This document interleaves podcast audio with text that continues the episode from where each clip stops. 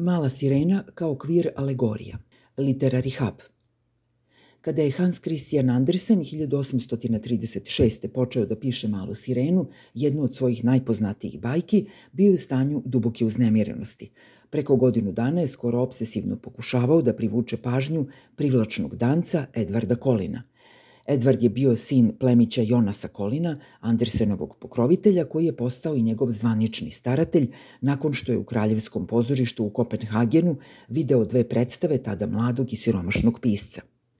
Poput Lojane sveće iz jedne od njegovih najranijih priča, Andersen je verovao da je predodređen da na neki način osvetli svet, ali za to mu je bila potrebna dobronamerna pomoć pravog čoveka kao što je bio Jonas – Ali u pitanjima ljubavi Andersen je bio više moljac nego plamen. Često je flertovao i sa muškarcima i sa ženama, isto je tako često bivao opečen odbijanjem.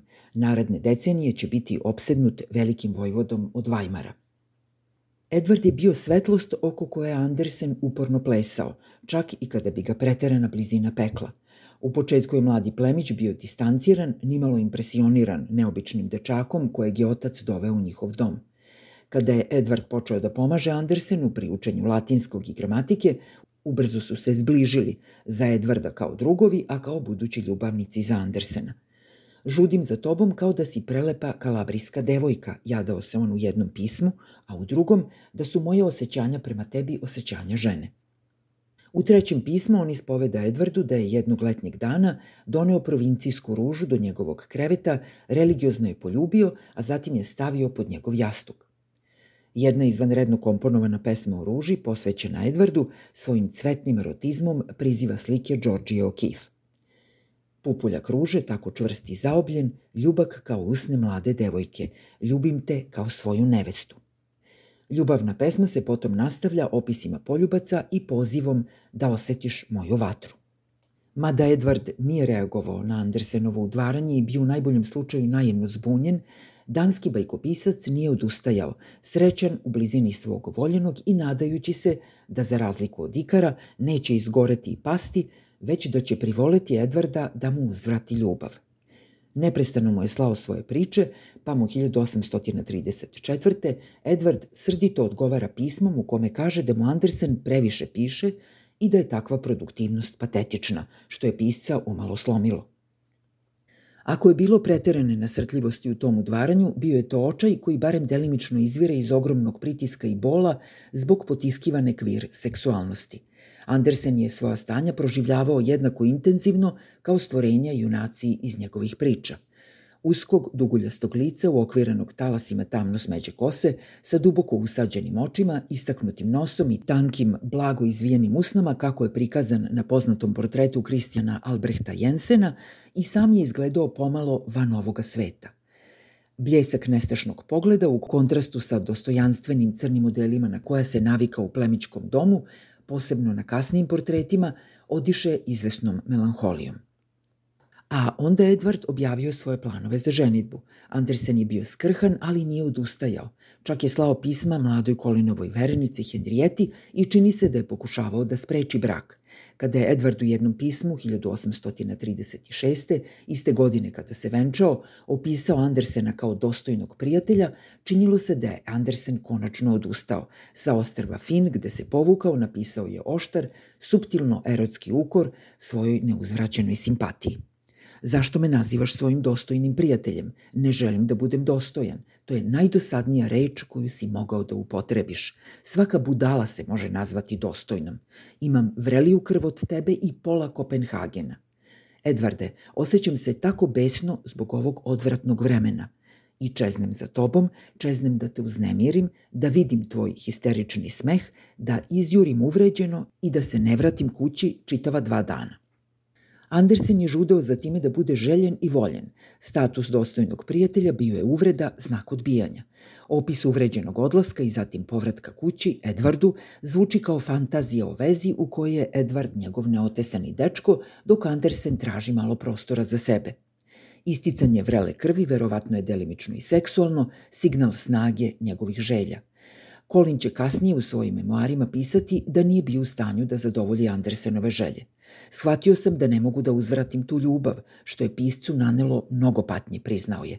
Mada su njegova pisma iz tog vremena često naprosto izražavala ili glumila neznanje o Andersenovoj požudi. Povređen Edvardovom izdajom, Andersen se okrenuo svojim pričama. Zamislio je svet u dubinama mora gde je jedna sirena čeznula za drugim svetom, ali je odbačena čak i nakon što je voljenom piscu spasla život – U želji da mu se dopadne, sirena ubeđuje morsku vešticu da joj da noge. Ni to joj neće pomoći. Za razliku od animirane Disneyjeve adaptacije, kraj Andersenove bajke ispunjen je strasnim očajanjem, a njegova sirena, usamljena i nevoljena, rastvara se u morskoj peni. To je potresna smrt, možda čak i samoubistvo. Sirena doslovno umire, kao što je veštica nagovestila, od slomljenog srca jer je princ umesto nje izabrao ljudsko biće – Zaista, poput ružnog pačeta, mala sirena misli da sa njom nešto nepopravljivo nije u redu. Odbačena je i time je potvrđen njen najveći strah, da nju nije moguće voleti. Aristokratski Edward bio je uzor za princa iz bajke, dok Andersen, usamljen i tužan, liči na svoju bezimenu sirenu. Bila je to ironija, jer će Edward i Henrieta ostati deo Andersenovog života u godinama koje dolaze, ali je takođe imalo smisla, jer je taj brak označio sporu smrt Andersenove vere u romantičnu fantaziju. Mala sirena dakle postaje više od nezaboravne bajke. Bio je to Andersenov pokušaj da prevede svoju osujećenu kvir čežnju na jezik fantastične priče, u fragment sna. Bio je to šifrovan, ali dovoljno jasan pogled na kvir ljubav koju nije mogao da ostvari. To što će svoje želje ispričati kroz bajku o svetu na dnu mora sasvim je prikladno, s obzirom na ono što je pisac otkrio Edwardu u pismu iz 1835. godine. Kada bi pogledao moju dušu, napisao mu je Andersen, do kraja bi razumeo izvor moje čežnje i sažalio bi se. Čak i široko, prozirno jezero ima svoje tajne dubine koje nijedan ronilac ne poznaje. Tamo žive sirene koje se ne usuđuju ili ne mogu da izgovore svoje ime – kako je Lord Alfred Douglas slavno opisao okvir ljubav 1892. Ogromna morska stvorenja iz prošlih vekova, uspavane olupine brodova, levijatani koji žive u mraku, čudesne lepote sobstva koje samo hrabri ronilac može da otkrije.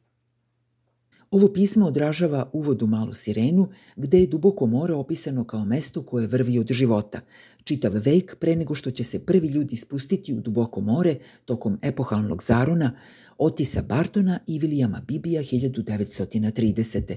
u klaustrofobičnom prototipu podmornice vezanom čeličnim kablom za brod Arcturus kod Bermuda. Slavni istraživač Bibi krstio ga je batisfera, duboka sfera – Nisu tamo pronašli sirene, zapravo spust u mračnu dubinu od preko 900 metara bio je tako potresan doživljaj da su istraživači jedva bili u stanju da zabeleže ono što su videli. Ali da je čuo za ono što jesu otkrili, jata velikih lignji, čudnih riba i svetlucavih meduza, Andersen bi bio zadovoljan. Samo ne mislite, pisao je na početku svoje bajke, da je tamo dno golo, peščano. Ne. Tamo raste najneobičnije drveće i rastinje sa stabljikama i lišćem tako gibkim da se pri najmanjem pomeranju vode povijaju poput živih stvorenja. Između granja promiču ribe velike i male, kao što kod nas ptice proleću vazduhom.